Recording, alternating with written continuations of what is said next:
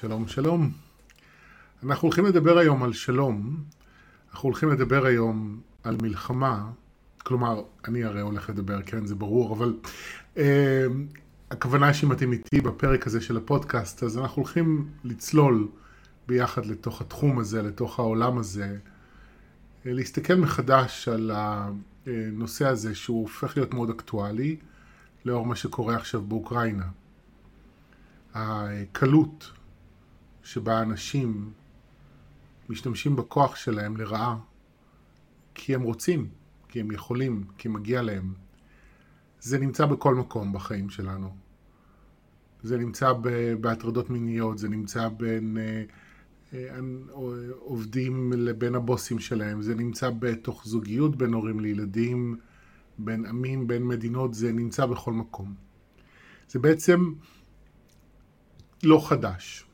למרות שהמלחמה הזו היא מאוד מטלטלת ומזעזעת, והיא משהו שלא קרה עשרות שנים באירופה ומשנה הרבה דברים בחיים שלנו, גם זה לא חדש. יש הרבה מלחמות שמתרחשות כל הזמן, בכל מיני מקומות, שהן פחות אה, דומיננטיות, פחות משפיעות אולי עלינו, פחות נוגעות בנו רגשית.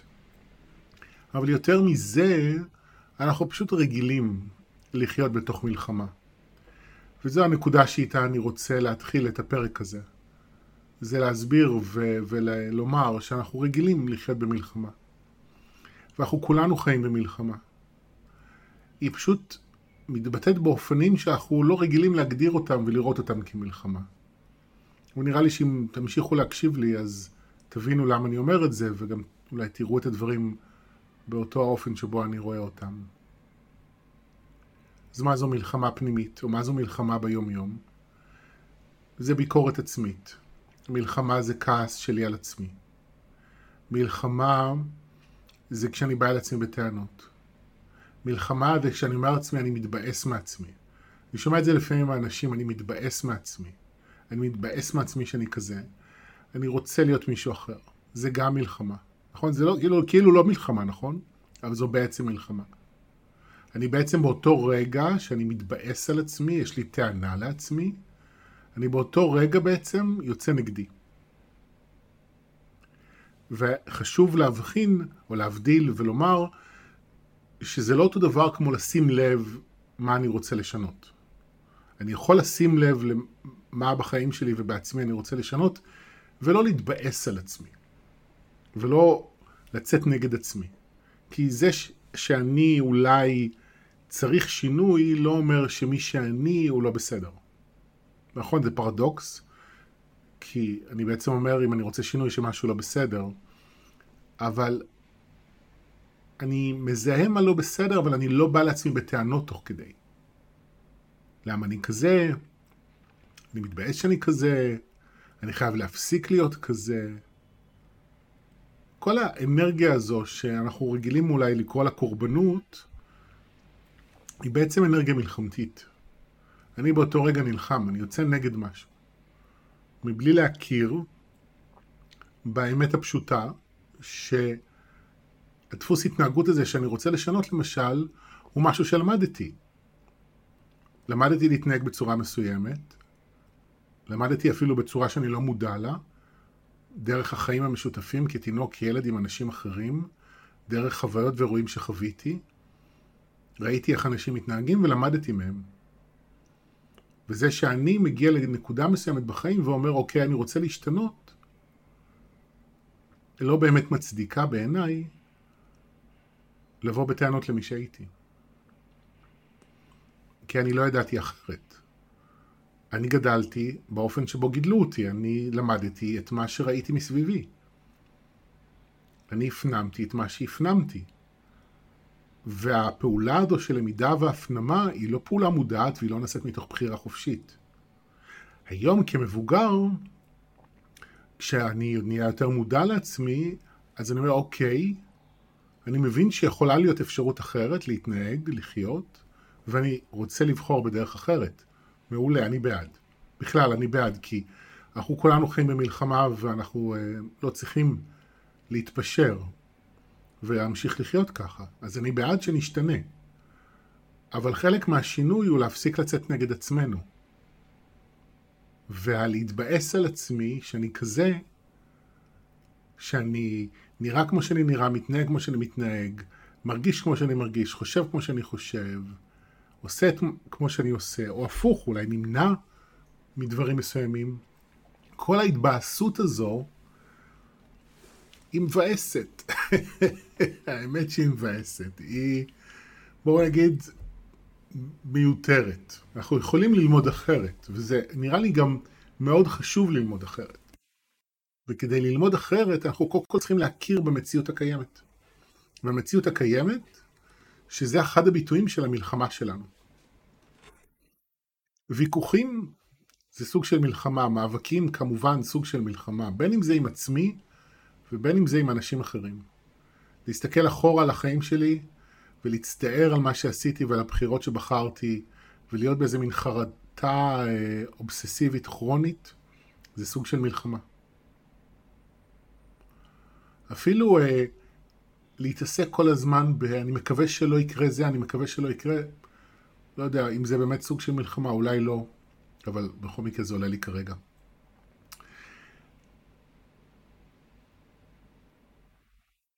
מלחמה היא ללכת נגד.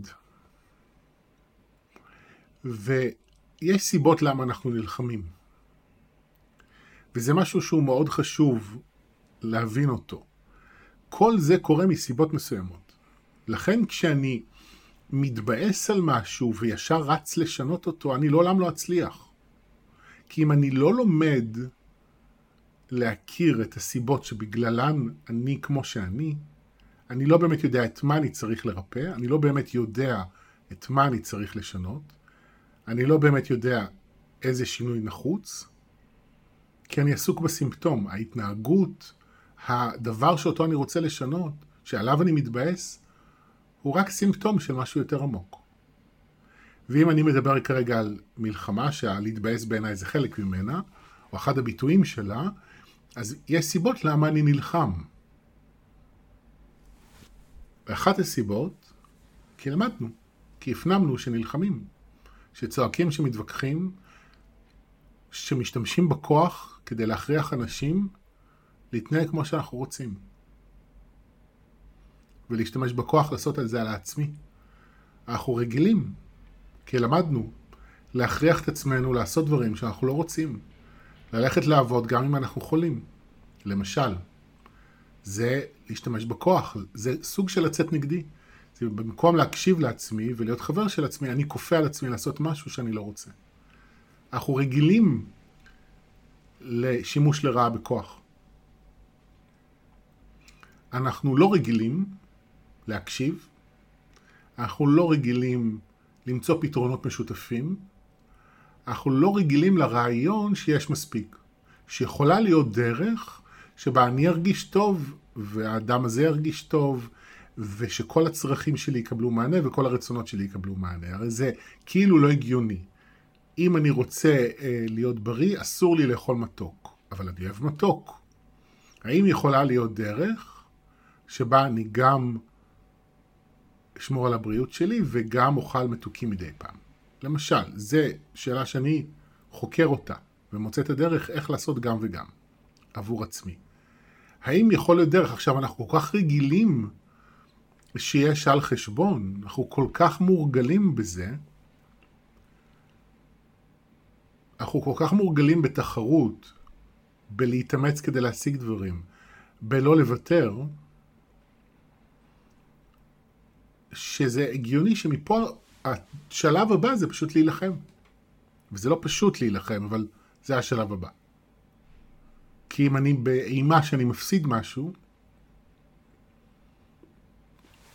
ואם אני באימה שאני בסכנה, אני אעשה כל מה שאני יכול כדי לשמור על עצמי. ופוטין עבורי כרגע הוא השתקפות מצוינת של זה. אני קורא קצת מהדברים שהם, שנאמרים מפיו, לפחות לפי איך שמתרגמים את זה. הוא דואג לביטחון של רוסיה והוא אה, מאוים מההתקדמות של נאט"ו אה, מזרחה. והוא אומר, לוקחים לי, אני מרגיש לא מוגן, זה בא על חשבוני, אז הוא יוצא למלחמה. משתמש בכוח לרעה, כדי להשיג ביטחון. ואנחנו רגילים לזה. כי כולנו עושים את זה ביום-יום. אני רוצה כסף, אז אני אעבוד במשהו שאני לא אוהב. כי לא יכול להיות שאני גם אהנה מהעבודה ואני גם מרוויח כסף. ואני רוצה זוגיות, והבן זוג שלי נותן לי אה, ביטחון, אבל הוא לא נותן לי אה, דברים אחרים שחשובים לי, אבל בגלל שאי אפשר לקבל הכל בחיים, אז אני אסתפק במה שיש. אנחנו רגילים לחיות ככה, תחשבו על זה. כולנו חיים ככה. עכשיו, זה לא תמיד הופך מיד למלחמה, אבל זו התשתית שממנה נוצרים כל כך הרבה דברים, והדבר המשמעותי, המכריע, המכאיב ביותר זו מלחמה. אבל לפני זה יש מאבקים ותחרויות וויכוחים ומריבות וכפייה וכן הלאה וכן הלאה. אז יש לכל זה סיבה. ומה למדנו, והעובדה שלמדנו את זה היא אחת מהן, אבל זה לא רק זה. זה לא, אוקיי, למדתי את זה, אז עכשיו אני אשנה את זה, לא. אנחנו צריכים לחקור אבל את זה לעומק, להיכנס למרכיבים, לפרטים הקטנים של ההתנהגויות שלנו, ולגלות למה. למה אני יוצא נגד? מה בעצם אני מרגיש? ואז אם אני ממשיך רגע לדבר על פוטין כהשתקפות, ואני אומר, אוקיי, אני קולט שאני מפחד, אני קולט שאני מרגיש אה, מאוים, אני מרגיש אה, סכנה שהולך לקח לי הביטחון שלי, או משהו שהוא חשוב לי. אוקיי. ואז מתוך ההרגשה הזו, אני מגיב, אני פועל. אוקיי. האם יכולה להיות דרך אחרת? זו השאלה שצריך להכניס פנימה. האם יכולה להיות דרך שבה אני אשיג את הביטחון שאני צריך מבלי להיאבק? ויכולה להיות. אם אנחנו נהיה פתוחים ויצירתיים, אנחנו נמצא את הדרך. הגענו עד הלום, עם כל הקשיים, 2022, טיסות, טיסות לחלל, בני אדם יצרו הרבה דברים מאוד יצירתיים. התקדמנו הרבה מימי ראשית האבולוציה. אנחנו יכולים למצוא פתרון שיספק את כולם. אנחנו צריכים לרצות את זה, אנחנו צריכים להאמין בזה, ואנחנו צריכים עבודה רגשית. כי אם אני רוצה בתוך הזוגיות שלי למצוא דרך שבה שנינו נרגיש טוב, צריך לראות, אוקיי, מה אני צריך, מה בן בת זוג שלי צריך או צריכה, מה כל אחד מרגיש, ולראות איך, איך מתייחסים לזה, איך נותנים לזה מענה. והרבה פעמים העניין במריבות או במלחמות, הרבה פעמים שאנחנו, בייחוד שמדובר עם אנשים אחרים, אנחנו מנסים להשיג משהו מבן אדם אחר שזה לא תפקידו לתת לנו. זה נגיד קלאסי בזוגיות, אבל זה גם קורה בחברויות, בתוך אה, יחסים משפחתיים, בכלל באינטראקציות שלנו עם בני אדם, במערכות יחסים, מקום עבודה. אני לא סומך על עצמי, ואז אני כועס על בן אדם שמטיל בי ספק. אני יורד על עצמי, אבל אז אני אה, נכנס למריבה עם בן אדם שיורד עליי. וזה אומר שאני רוצה שהוא יאשר אותי, שהוא יכבד אותי, שהוא ידבר אליי יפה, שהוא... כי בעצם אני לא, אני לא כזה עם עצמי, ואני רוצה שהבן אדם האחר יעשה את זה בשבילי. תראו, עיקר המריבות ומלחמות בתוך מערכות יחסים, אני אומר העיקר, כי אני משאיר פתח לעוד אפשרויות, אבל הרוב הגדול של מלחמות ומריבות במערכות יחסים, זה בגלל שאנחנו לא לוקחים אחריות. בגלל שאנחנו רוצים שאחרים יעשו בשבילנו את השינוי שאנחנו לא עושים בשביל עצמנו. ואם אנחנו רוצים שלום, תדעו לכם, זה כלל גורף. אם אני רוצה לעשות שלום עם האנשים בחיי, אני צריך לעשות שלום עם האנשים בחיי. וזה כלל שמעטים חיים לפיו. רוב האנשים רוצים שאחרים ישתנו כדי להסתדר איתם, והתוצאה היא שלא מסתדרים. ולא מסתדרים זה כמובן ה understatement של המילניום. אבל אם אני רוצה לחיות בשלום, אני צריך לעשות שלום. עכשיו, מה זה אומר לחיות בשלום? זה לא בהכרח קרבה, זה לא בהכרח איזו חברות גדולה, אה, זה לא בהכרח אה, אה, הרבה שיחות או whatever, אבל שלום זה אומר שיש לי שקט בתוכי. שכשאני חושב על בן אדם, בין אם אני בקשר איתו ובין אם לא, ובין אם הקשר הוא קרוב או רחוק, כשאני חושב על הבן אדם, יש לי שקט בפנים. אין לי אה, כעס או כאב, או טענות, או מרירות, או טינה כלפיו. יש לי שקט. זה המשמעות של שלום. ויכול להיות שאני לא בקשר עם הבן אדם, אבל נגיד אם אני חושב על האקסים שלי, על גברים שאהבתי, שחלקם אהבו אותי בחזרה וחלקם לא, יש לי שקט בפנים. כשאני חושב על החבר הראשון שלי שעזב אותי, יש לי שקט בלב. אני לא סוחב מטען של כעס, כאב. יש לי שלום איתו ועם הפרידה. כשאני חושב על, נגיד, ההורים שלי, על קטעים, בעיות שהיו לנו במערכות יחסים בעבר.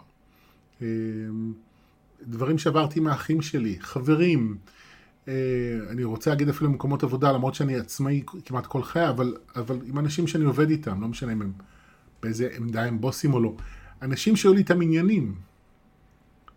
בשביל שיהיה לי שקט עם האנשים האלה, אני צריך להשתנות. לכן זה תמיד מצחיק אותי שישראל אומרת על הפלסטינאים שאין פרטנר, אבל ישראל היא לא פרטנר. ישראל לא רוצה לעשות שלום, ואז היא אומרת, אין עם מי. כי ישראל יודעת שבשביל לעשות שלום צריך לוותר על דברים שישראל לא רוצה לוותר עליהם. במקום להגיד אנחנו לא רוצים לעשות שלום, כי אנחנו לא רוצים לוותר, ואנחנו נמשיך את הכיבוש, הם אומרים אין פרטנר. ואז אף אחד לא לוקח אחריות. ואותו דבר אנחנו עושים גם בחיים הפרטיים שלנו, כי בשביל לעשות שלום, אנחנו צריכים לוותר על דברים. ולוותר על דברים זה לא להתפשר, לוותר על דברים זה לוותר על אני צודק. לוותר על דברים זה על הציפייה שהבן אדם השני ישתנה. לוותר על דברים זה לפעמים לוותר גם על התנהגויות מסוימות או דברים שאני רגיל לעשות. אבל זה לא ויתור במובן שאחר כך אני אחיה בחוסר שקט או איזה מין תחושה שלא טובה שהתפשרתי על עצמי. כי זה ויתור שמביא לשקט. אבל בוא נגיד, במילים אחרות, אני צריך להשתנות בשביל שיהיה שינוי. וזה משהו שאנשים לא מבינים אותו, אני רואה את זה בעבודה שלי עם אנשים, זה... אנחנו לא מבינים את זה. שאם אני רוצה שהמציאות שלי תשתנה, אני צריך להשתנות. לא, אנשים רוצים שהמציאות תשתנה.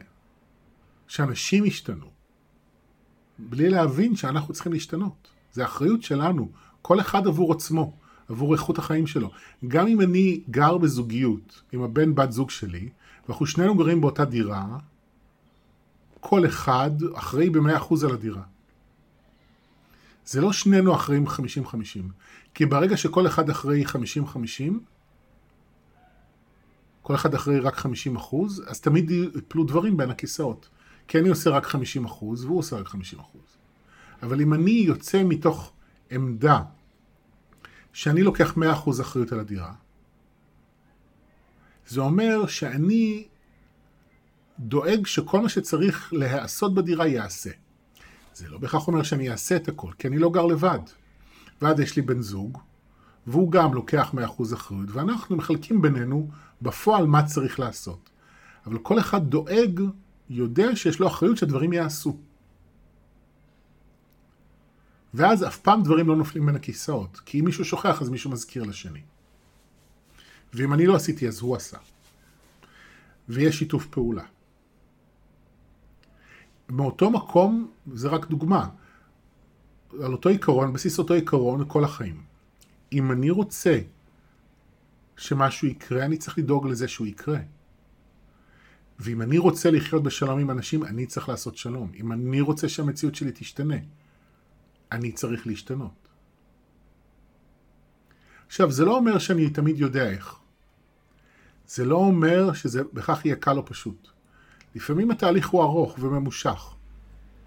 וזה בסדר. כל עוד אני מבין שזו אחריות שלי, ואני מוכן לעשות את הדרך, שייקח כמה זמן שייקח, אני אעבור בדרך את כל מה שאני צריך לעבור. יש לנו הרבה מה ללמוד. לעבור מעולם של מלחמה לעולם של שלום, זה מסע חיים. זה לא משהו שאני יכול ללמוד וזהו, להפסיק לריב, להפסיק שימוש לרעה בכוח, להפסיק אה, כפייה, להפסיק. זה לא.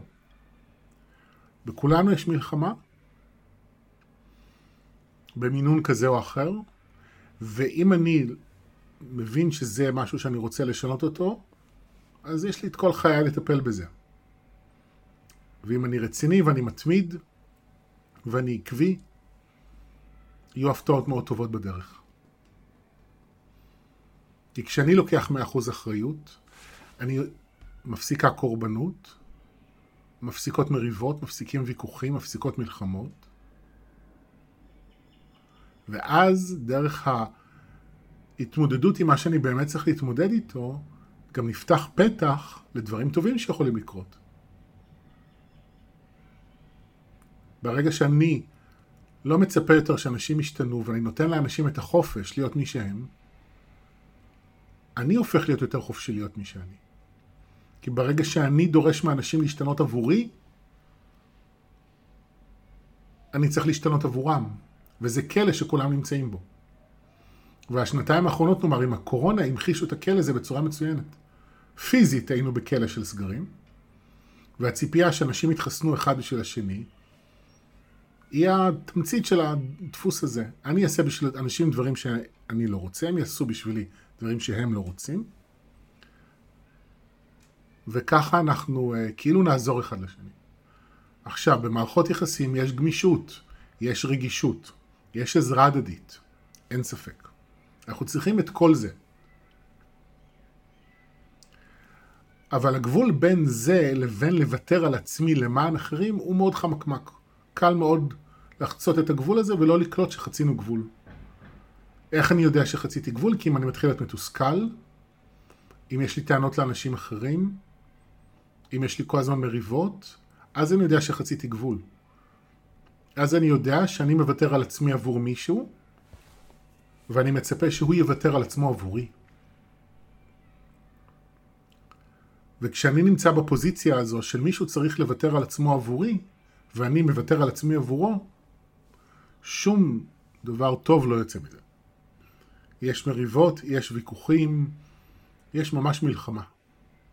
זה יכול להוביל לנתק, זה יכול להוביל למיעוט בתקשורת וכו' וכו' וכו'. אז כל העניין, כל העניין הוא לחזור לקחת אחריות. ולראות איזה שינוי אני רוצה שיקרה בחיים שלי. ואיזה שינוי אני צריך לעבור. ואם אני רוצה לחיות בשלום, אז איזה שינוי אני צריך לעבור. וכמו שאמרתי קודם, אני רוצה לחזור לנקודה הזו. זה מאוד חשוב שאת המלחמה שלנו אנחנו נחקור. אנחנו נגלה מאיזה צורך זה נובע, אנחנו נגלה מה אנחנו מרגישים במקום הזה. אני מפחד אז אני נלחם. אני מרגיש אשם אז אני נלחם. חסר לי אישור אז אני נלחם. אני מפחד להישאר לבד אז אני נלחם. אוקיי, ואז נגיד, אני קולט שאני נמצא במלחמה עם מישהו, כי אני כועס עליו נורא, שהוא לא מתייחס אליי יפה. אז אני בודק, האם אני מתייחס אל עצמי יפה? איך אני מתייחס אליו? האם אני מתייחס אליו יפה? האם אני מתייחס יפה לאנשים אחרים? ואם אני כנה עם עצמי, אני מהר מאוד אגלה שלא, שהתשובה היא לא, שאני לא מתייחס לעצמי יפה תמיד. אני לא מתייחס אליו יפה תמיד, ואולי גם לעוד אנשים. ואם אני רוצה שיתייחסו אליי יפה, אני צריך להתנהג יפה. זה נורא פשוט. אני צריך להתנהג יפה, קודם כל לעצמי, ומתוך זה לאנשים. אם אני רוצה שמישהו יפסיק לקלל אותי, אני צריך ללמוד לדבר אל עצמי במילים יפות. ואז ככל שאני יותר מדבר על עצמי במילים יפות, יכולים לקרות אחד משני דברים. או שהבן אדם פתאום משנה את ההתנהגות שלו כלפיי, או שזה פתאום לא מתאים יותר והקשר באמת מתמעט או מתנתק. זה גם יכול לקרות. שוב, כמו שאמרתי, לעשות שלום עם אנשים לא בהכרח אומר איזה סוג של קשר יהיה, אבל זה כן אומר איזו הרגשה פנימית יש בתוכי. איך אני חי עם עצמי. עכשיו תראו, יש עוד נקודה בכל הסיפור הזה שאני רוצה לדבר עליה, וזה אחד הדברים הכי חשובים. מלחמה זה עניין ממכר. לכעוס, לבוא בטענות, זה ממכר. יש בזה אני צודק, זה מזרים אדרנלין וכל מיני הורמונים בגוף, זה ממכר. אבל אם אני יורד מהמקום הזה של אני צודק, ואני יודע, ואני מתחיל להסתכל על עצמי, אני פתאום מרגיש דברים אחרים. אני מרגיש פתאום אשמה, ואולי כאב, ואולי עצב, ואולי פחד. אולי אני מרגיש איזה ריק בפנים, איזה כמו בור בפנים. וזה רגשות הרבה יותר אה, מאתגרים להרגיש אותם. יש משהו ממכר ומאוד נוח במלחמה. וזה אבסורד כי מלחמה זה ממש לא דבר נוח. סבל זה לא מקום כיף להיות בו. סבל של ביקורת עצמית, של אשמה, של טענות, של ויכוחים, של מריבות, זה לא מקום שבו הוא נעים בכלל. אבל הוא מזרים לנו בגוף אדרנלין. אנחנו בהיי, תחשבו על זה כשאתם כועסים על מישהו. אתם יכולים לא לדבר איתו, אבל אתם תדברו איתו בתוככם כל הזמן. אתם תנהלו שיחות. ואתם תכעסו ותתעצבנו ותתגוננו ותאשימו. מכירים את זה, כולנו מכירים את זה. ואפשר להיות בזה ימים על ימים, וזה אחרי, הרי אחד הדברים הכי אבסורדים לריב עם בן אדם ולא לדבר איתו, זה אחת הדרכים הכי טובות להיות איתו בקשר. כי אז אני מתעסק בו. הוא באאורה שלי, גם אם הוא לא ב... ביומיום שלי, באופן פיזי. ויש בזה משהו מאוד נוח, כי אני כל הזמן מתעסק ב... אני צודק, ב"אני יודע" ובבחוץ. וכשזה מדובר במלחמה בתוכי זה אותו דבר. אני מתעסק ב"אני יודע" וב"אני צודק". אני בראש.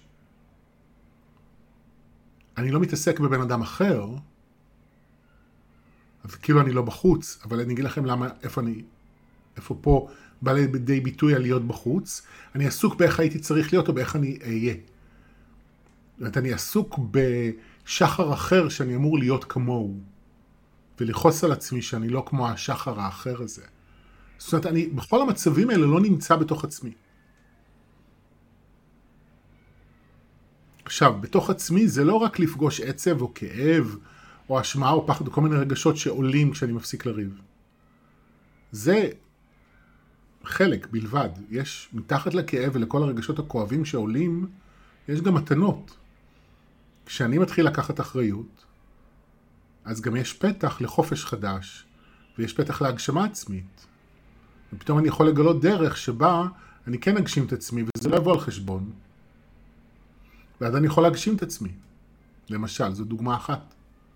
ואיך אפשר להיות בתוך מערכת יחסים בלי לריב? אפשר. ואז להרגיש טוב, וליהנות. וגם אם רבים זה מריבה נקודתית, היא לא הופכת להיות אה, כרונית. יש דברים טובים שקורים שם, אבל השלב הזה, שלב המעבר מהמלחמה ליצירה, הוא השלב שבו אנחנו עוברים דרך הרגשות שלנו. וזה מאוד מאוד קשה, וגם הרבה פעמים קשה לעשות את זה לבד, אם בכלל אפשר. אנחנו צריכים עזרה בדרך. אנחנו צריכים עזרה של טיפול, של מורה. אנחנו צריכים ליווי, זה לא פשוט לעשות את זה. אה, ורוב האנשים לא יודעים גם איך. אז אני מדבר פה על דברים, ואני אומר לכם את זה בכנות. אל תנסו לבד בבית. תעזרו בדברים שאתם לוקחים מפה, אבל אל תתיימרו לעשות את זה לבד. כי אנחנו כל כך רגילים למלחמה, שאנחנו צריכים ממש עזרה בללמוד איך, איך חיים בשלום. איך חיים בשלום ביומיום שלנו. ואני אומר לכם מניסיון אישי, זה אפשרי. כתלמיד של ורדה ותלמיד של הדרך הזו כבר 27 שנה, זה אפשרי. אני רואה את זה בחיים שלי, אני רואה בחיים של חברים שלי לדרך, אנשים שאני מלווה אותם, זה אפשרי. זה תלוי בנחישות שלנו, ברצון שלנו ובפתיחות שלנו לשינוי. זהו, אני מקווה שעזרתי, אני מקווה שיהיה שלום באוקראינה ובכלל בתוך כולנו. תודה רבה, ביי ביי.